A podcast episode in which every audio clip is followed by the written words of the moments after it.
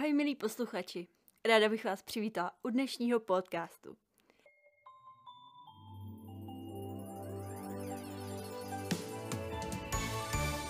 Dneska bych vás chtěla vzít na takovou túru do domova pro koně. Alespoň teda nepojedeme úplně na túru, ale chtěla bych vám vlastně povědět nějaké svoje postřehy, myšlenky a co to pro mě vlastně znamenalo a proč jsme tam vlastně jeli. Já už jsem měla delší dobu na paměti, že bychom asi měli navštívit nějaký takovýhle místo, protože to, co se vidí třeba na sociálních sítích, tak je to většinou takový to ten sport, nebo každý má koníčka, ale už nevidíme takový to po, jo, protože málo kdo, já nevím, se pojede podívat na jatka, nebo jo, do útulku, jako tam je větší šance. A říkám si třeba ty jatka, tak to už je jako extrém, na který jsem dělala jako srandu si s Lindou, že bychom se tam mohli vydat, ale mám takový dojem, že ani jedna z nás na to nemá úplně, um, jak bych to řekla, no, že bychom museli prostě odjet asi se všema těma koňma a nemáme na to prostě jakou náturu. Ale na druhou stranu lidi musí vidět, kde vlastně ty použitý, nevyužitý koně končí. A já jsem měla takový pocit, že prostě musíme lidem ukázat, jak to vlastně je, že protože spousta mých, dět, vlastně spousta mých sledujících jsou děti, který se denodenně snaží přesvědčit své rodiče, aby jim koupili koně. Já vím, já jsem taky jednou byla dítě a co jsem tak viděla? Viděla jsem inzeráty v časopisech, viděla jsem pěkný plemena, hezký barvy koní, ale neměla jsem v té době pojem o penězích. Sama jsem peníze nevydělávala a přišlo mi to jako takový docela jako nejednoduchý sen, ale v mojí hlavě lehce jako já ani nevím, jestli jako lehce do, dosažitelný, ale aspoň v mojí fantazii to bylo takový jako hezký, ta myšlenka mít koně. Ale pak, když člověk prochází tím životem a opravdu pak toho koně má, jako dítě jsem tyhle ty jako věci úplně nevnímala, jo, musím říct, moje máma si pořídila koně, pak uh, mi pronajali koně na nějakou dobu a vlastně já jsem nemusela řešit nějaký placení a v té době jsem jako peníze vůbec neřešila, protože to vlastně řešili ty rodiče. A jako dítě tyhle ty věci si člověk neuvědomuje, jak jsou drahý, protože rodiče musí že jo, platit nám jídlo, platit nám uh, vzdělání a furt neustále se snaží udělat pro nás to nejlepší, akorát my o tom tak nějak jako ani nemáme moc ponětí, kolik to stojí a málo který rodič se jako si věří s tím. Za druhou, na druhou stranu zase málo kdo jako dítě má zkušenost s vyděláváním peněz, takže já jsem dostávala takový ty jako peníze za, já nevím, když jsem vydala myčku, když jsem něco vytřela, když jsem někde uh, něco uklidila. Jo, tak to byly takový, uh, čím mě rodiče motivovali, aby si jako vážila tady těch věcí, ale jako dítě jsem to fakt jako nedocenila a 10 korun by asi koně neuživilo. No a když jsem vlastně jako začala chodit do klubu a moje máma si pak pořídila z toho klubu našeho prvního koně, tak já jsem neviděla furt, kolik to stojí. Já jsem neviděla, jo, neměla jsem tušení, pro mě to bylo takový jako, jako normální. Ale pak, když jsem se o toho koně zašla starat a zjistila jsem, kolik času to obnáší a... Ale furt jsem to neplatila. Furt to bylo takový jako docela bezproblémový.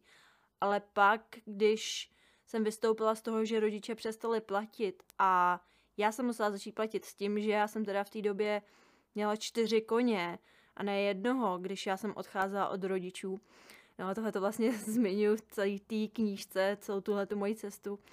Eh, o knížce víc naleznete samozřejmě na mojí stránce jezditelka.cz, ale k tomu teď nebudu dodávat víc, tam jsem to všechno sepsala, celý tenhle ten příběh, jak vlastně moje máma si koupila koně, jakýho koně mi pronajali a jak jsme pak měli vlastní stáj, a pak jak jsme nakupovali, nebo já jsem teda toho moc nenakupovala, moje rodiče samozřejmě eh, začaly být ambiciozní, takže jsem měla jednoho koně do sportu, pak ten už nestačil, tak jsem měla dalšího koně, pak jsme vyměňovali koně a ono, ač to vypadá, že jsme byli bohatí, tak my jsme nebyli nějakým způsobem. Jako my jsme byli takový jako, taková normální rodina s rodičima, který měli nějakou práci, která jim poskytovala nějaké množství peněz, ale v té době koně ještě ne, jako už byly drahý, ale ale jako ještě se dal koupit slušný kůň za 80 tisíc. Jo, třeba můj nejlepší kůň, můj první kůň byl fakt za 80 tisíc, což dneska za 80 tisíc uh, si sotva pořídíte nějakýho rekreačního, jo, bych tak hádala. No, takže dejme tomu můj kůň, který už měl vyjetý nějaký mistrovství, ale jako jenom dětský mistrovství, tak už stál 80 tisíc. Dobře, tak to byla naše první investice. Ale pak, když trenér řekl, že tenhle ten kůň už nestačí, tak uh, jsme k tomuhle tomu koni byli nuceni pořídit dalšího koně. S tím, že samozřejmě nikdo nechtěl prodat tady toho úžasného koně, teda já jsem alespoň nechtěla prodat toho koně, protože pro mě toho udělal tolik. Samozřejmě rodiče ty s těmhle věcma neměli zase takový problém, protože to jsou takový jako Oni nemají problém s věcmi, který já mám problém, jako třeba, že mají farmu a prostě já jsem, jak jsem říkala už v dávném podcastu, že jsem právě kvůli tomu to mě inspirovalo stát vlastně jako vegetariánem, protože jsem neustále měla na talíři prostě své kamarády, který okolo mě byli a o který jsem se tak nějak jako starala, měla jsem je ráda, že jsem se chtěla tady tomu jako těmhle těm otázkám vyhnout, jako hele, to mám dneska na talíři tady toho, ale já vím, že to je normální pro lidi, já je neodsuzuju, ale pro mě to bylo takový jako hrozně nepříjemný a tady už jako je takový určitý zlom, kde ten člověk si jako říká, jako že OK, mám koně, ale vlastně mám ho rád, ale nemám ho rád natolik, že jako když ho nepotřebuju, tak ho jako prodám. Ale já jsem to nikdy tak neměla, já jsem, já jsem prostě chtěla mít, pro mě to byl člen rodiny, ten člen rodiny si prostě pro mě něco udělal a já si myslím, že já mu za to něco jako dlužím, nějakou péči na, v tomhle světě. A není to pro mě jenom jako, že ho použiju, odhodím a někdo použije další a zase ho odhodí a půjde z ruky do ruky, protože každý z nás se k němu bude chovat nějakým způsobem a on pak z toho bude chudák celý zmatený. A myslím si, že tohle je vůči těm zvířatům tak trošku nespravedlivý. Jako chápu, že občas si člověk s koněm nesedne a je lepší kombinace prostě třeba toho najít mu někoho, s kým si víc ten kůň sedne, nebo ten člověk, jo, samozřejmě, jo, souhlasím, stalo se to, stane se to, ale zase takový to, jako, že to je OK prostě jít z ruky do ruky. Já si myslím, že pro ty zvířata je strašně důležitý, aby věděli, kam patří a co je čeká. Oni mají rádi ten komfort toho, že vědí, co je čeká, ale v tu chvíli, kdy nevědí, tak samozřejmě to stresuje a, a když se na nich střídají lidi, je to pro ně určitý stres, jo, nevědí, co od nich očekávat, samozřejmě. Není to jednoduchý život. Jo, představte si, že jdete z ruky do ruky, jo, jako kdyby se vám furt měnili rodiče, nebo jo, tak je to v určitým slova smyslu stresující a rozhodně to není příjemná událost ve vašem životě, takže já si myslím, že koně si zaslouží prostě mít stálý rodiny. Oni se hrozně nafixují, oni si vytvářejí ty stáda, já to prostě vidím na mojí klisně, jak ona si utvořila, prostě tam mají své stádo a v tu chvíli oni mají mezi sebou nějakou jistotu, nějaký role a když jim tohleto seberete, tak oni jsou nešťastní, protože to jejich tělo je na to uspůsobený a oni fungují takhle jako tým, ne jako jedinci. Jo. Takže já jsem strašně ráda, že jsem mohla s Lindou do toho domova pro koně zajet a ačkoliv jsem paní neznala a nějakým způsobem jsem to i našla, jako tady přímo ten domov pro koně, že, že jsem prostě řekla, hele, pojedem pro domova pro koně, že bych jako věděla, co to je, nebo bych o tom někde viděla, slyšela, tak jsem, vím, že jsem to někde potkala, že se mi to nějak jako líbilo, tak jsem říkala, hele, pojedem tam. A paní i byla jako otevřená, protože já mám občas, když jdem někam natáčet, nebo když se někoho ptám lidí, tak mám docela jako strach z toho, aby ty lidi byli prostě ochotní to sdílet tady ty story. A což na tom bylo úžasné, že paní byla v tomhle neuvěřitelně otevřená, protože víte co, pro nás já sama vím, jak to bylo těžké začít dělat sociální sítě, protože člověk jakoby sdílí svoje soukromí s lidma, který vůbec nezná. Jo, já tady teď sdílím soukromí s lidma, který vůbec neznám. Hm, potřebuju to? No, eh, nepotřebuju, ale na druhou stranu vím, že můžu takhle inspirovat a můžu pomoci dalším a můžu samozřejmě je navíc na cestu, jo, předat nějaké své zkušenosti a vím, jak je to důležitý, protože já sama jsem šla určitou cestou a vím, jak mi pomohlo se od někoho prostě inspirovat, abych nemusela dělat stejné chyby, nebo samozřejmě bez chyb to nejde. No, takže my jsme jeli do toho domova pro koně a čekala tam na nás samozřejmě úžasná bytost, Patricie. Já jsem byla úplně zaskočená, jak ten člověk se k těm koním chová, jak je bere, jaký má mindset, jo, jaký má prostě myšlenkový pochody a jak ty koně miluje. Já jsem cítila takový to, hele, tady není ani ta jízda, na takový to, my to, ty koně musíme používat, využívat, aby jsme na nich vydělali. Ale cítila jsem tam strašně takový, takovou tu vděčnost za jejich přítomnost v jejím životě, prostě něco nepopsatelného. A přesně já jsem si připadala, to, co prožívám třeba s mýma koňma. Já jsem si dřív připadala jako skoro až divná, že nemám jako jízdárnu a že moje koně nechodí pod sedlo, ale snažím se s nima prostě splynout s tou přírodou a užít si s nima ten proces a třeba jako zakomponovat ty věci, které znám, aby jsme, když bych si na ně někdy sedla, ale není to moje priorita, já už jsem na svých koních asi půl roku neseděla a furt s nima se bavím, jo, furt máme nějakou zábavu a ne, neuvěřitelně mě baví ty detaily, které třeba ne každý člověk prostě vidí. A já to někomu nezazlívám. Jo, samozřejmě každý jsme v nějaké fázi života a já jsem dřív věci určitý neviděla, dneska je vidím a přečetla jsem si jednu knížku x let zpátky, viděla jsem ji jinak, přečetla jsem ji zase pár let potom, viděla jsem ji zase jinak a přečtu ji dnes a už těm věcem rozumím. Přečte si ji někdo jiný a řekne si, to je úplná ptákovina, protože on ještě je dneska úplně někde jinde. Jo, takže já někde řeknu nějaký svůj názor, on si řekne, že to je úplná ptákovina, za deset let přijde, poslechne si to znova, řekne si, teď už vím, o čem mluví.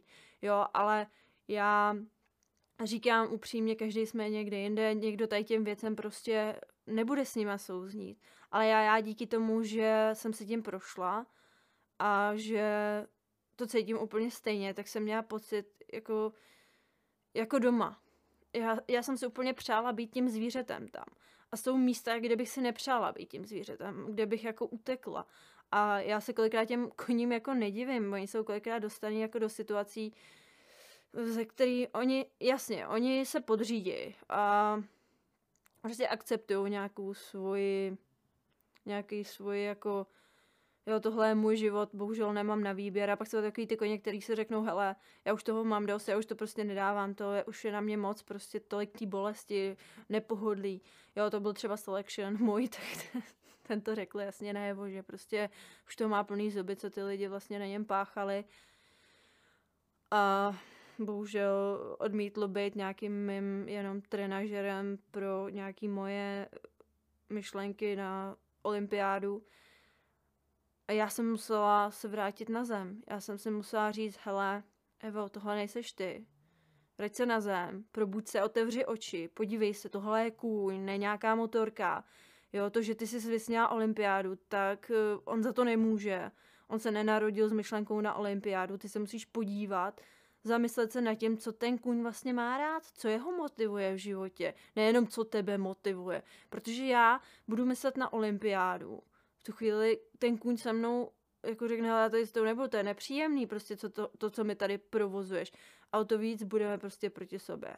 A já budu furt naštvaná, on bude naštvaný a vlastně já řeknu, toho koně nechci. Jo, protože ten kůň, já ho nechci, protože on nerespektuje ty moje cíle. Já tady za něj platím a nerespektuje to, že já mám tu vidinu té olympiády. A jsem říkala, prosím tě, proč řešíš tady olympiádu? Ty máš tady koně. Koně máš ráda. A ty vůbec nemusíš řešit nějakou olympiádu. Když k ní, do ní jednou dojdeš, super. Ale nemůžeš furt na ní myslet. Nesmí, to prostě, ten kůň nejdřív musí být s tebou rád. A když s tebou nebude rád, tak můžeš na nějakou olympiádu úplně zapomenout. Jo, takže nemůžeme donutit někoho do něčeho, samozřejmě, pokud on sám nechce. Jo, samozřejmě spousta koní tohle to trpí, když třeba nechtějí. Jo. Takže to už jsem zase trošku odbočila, ale je, je mi z toho občas jako těžko, protože vidím, že spousta koní není spokojená s tím majitelem, s tím jeho cílem a málo který majitel to tak jako akceptuje. Většina koní chce být prostě koňma. Jo, a to, že oni nám že vůbec nás jako pustí na své záda, tak to už je hrozná benevolence a já to beru jako neuvěřitelný dar.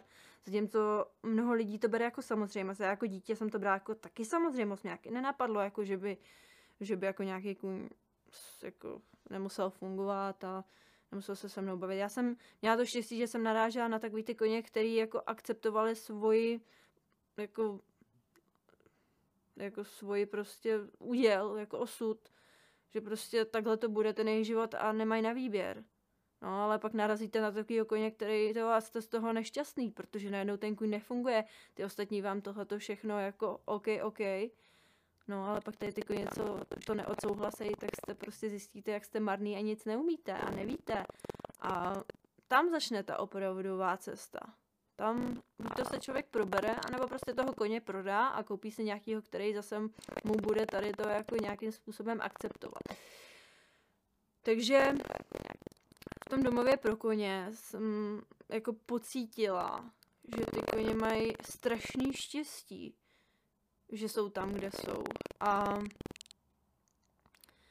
vlastně říkám si na jednu stranu, je to určitá jako rovnováha, že kdyby jsme tady nebyl sport a tyhle ty věci, tak samozřejmě by těch koní tady bylo třeba míň a lidi by jako neměli samozřejmě bez toho sportu a toho všeho motivaci dál šlechtit koně a jo, a tenhle ten průmysl zvětšovat a zvětšovat, takže samozřejmě, že tady budou vždycky nějaký koně, který budou použitý, a nešťastný a chromý, a to kolikrát jsou i koně mladý, který jsou chromý. Občas ani neprošli sportem, já to já neříkám, že to je všechno sport, já jsem narazila v trénincích, mám i koně prostě, který v životě nesportoval, ale a je úplně chromej, takže to je prostě to je jako náhoda, to máte jak u člověka, jo, taky si nevyberete prostě svůj osud úplně. No, takže jako pro každého budíš to zamyšlení, jestli jako, co vlastně od toho koně očekává, hlavně co od jako od sebe, co, co ta cesta, co vlastně od té cesty jako chce. Protože mě třeba fascinuje na mojí kamarádce Lindě a nejenom na ní, prostě občas narazím na lidi, kteří si pořídí koně, který není jednoduchý. A samozřejmě první tři dny ho chtějí strašně vrátit, protože nevědí, co s tím. A čtvrtý den jim dojde, že vlastně už ho nemůžou dát zpátky, protože by ho zase vrátili do toho, v čem byl nešťastný a na druhou stranu se snaží hledat cesty, aby ten koní mohl být šťastnější, protože my jsme, my máme tu schopnost naslouchat a ovlivňovat ten život těch našich koní a změnit tu jejich spokojenost, změnit to, je, změnit to jejich štěstí, anebo ba naopak neštěstí. Takže je jenom na nás, protože kolikrát, kolikrát se zlobíme, že kůň jako nefunguje podle našich představ, nebo že něco není tak, jak bychom si přáli, ale ve finále my si musíme uvědomit, že, že kůň je jenom zvíře, který jedná ve svém vlastním zájmu a on nepřemýšlí stejným způsobem jako my.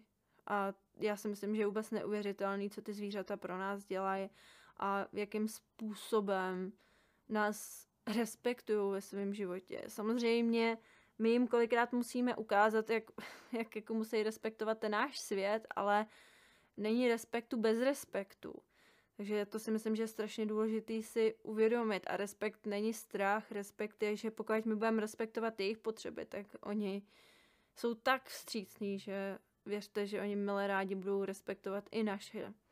Samozřejmě každý kůň je jiný. Já jako musím říct, že málo kdy se stane, že by kůň jako dělal na schvály. Většinou dělá na schvály, pokud my jsme ne, nepříjemný, nebo my nejsme fair, nebo něco, ale jo, je to něco, na co narážím pravidelně, že kůň dělá na schvály. Já se nemyslím, že Kun dělá na schvály. Jedná jenom ve svém vlastním zájmu a samozřejmě pokud se mu něco nelíbí nebo je mu něco nepříjemného, tak se snaží z té situace dostat. A dá, snaží se nám dávat najevo, proč, jo, aby jsme něco změnili. Ale kolikrát my to bereme jako já na schvály. No, takže já bych chtěla, my jsme teď jako, co teď točím ten podcast, tak jsme, ještě nejsme úplně ve finále toho domova pro koně. Já jsem tady chtěla jenom dneska se s váma tak trošku jako promluvit, ale ještě nás čekají, ještě jsem jako neřekla, kolik je přesně epizod, ale teď v tenhle ten čas nás čeká ještě dvě epizody, eh, takový trošku jiný, ale myslím si, že se máte na co těšit. Já doufám, že se vám tento seriál na YouTube líbí, pokud jo, samozřejmě komentujte, lajkujte, sdílejte, protože nám to neuvěřitelně moc pomůže. Snažím se, aby tehle ten kanál mohl furt existovat, aby jsme mohli dál sdílet tyhle ty příběhy, abych já mohla jít zase někam jinam a zase s někým udělat interview a strašně nám to pomůže. Pokud se vám líbí tenhle ten podcast, tak nás můžete podpořit nebo jakkoliv, prostě najdete všechno na jezditel.cz, tam máte samozřejmě rozlet, můžete nás podpořit a já milé ráda zase budu pokračovat tady v tom podcastování, pokud vás to baví. Já vím, že se najdou takový nadšenci, který tyhle ty podcasty hodně baví. A já sama musím říct, že já miluju podcasty, protože samozřejmě po, samozřejmě stáváme se tím, kým se obklopujeme a pokud se obklopujeme a posloucháme fajn lidi, který nám rezonujou, tak se tak trošku stáváme těma lidma. Takže já se snažím hodně vybírat, s kým se obklopuju a pokud je to někdo, kdo mi jako hraje na dobrý struny, tak se ho snažím poslouchat hodně často. Um, takový ty, co mi úplně nehrajou na struny, tak samozřejmě se snažím s takovými lidmi moc nebýt. Ale tomu se nedá moc jako vyhnout. To je prostě život. To k tomu patří. Tak já doufám, že tohle ten podcast se vám líbil a doufám, že se zase někdy uslyšíme. Samozřejmě budu ráda, když ten podcast třeba zazdílíte. Já mám takový trošku limitovaný čas, takže tady to necháme na těchto těch pár minutkách. Přeju vám nádherný den a ať se vám daří a pos- samozřejmě pozdravujte koníky a mějte se krásně. Ahoj!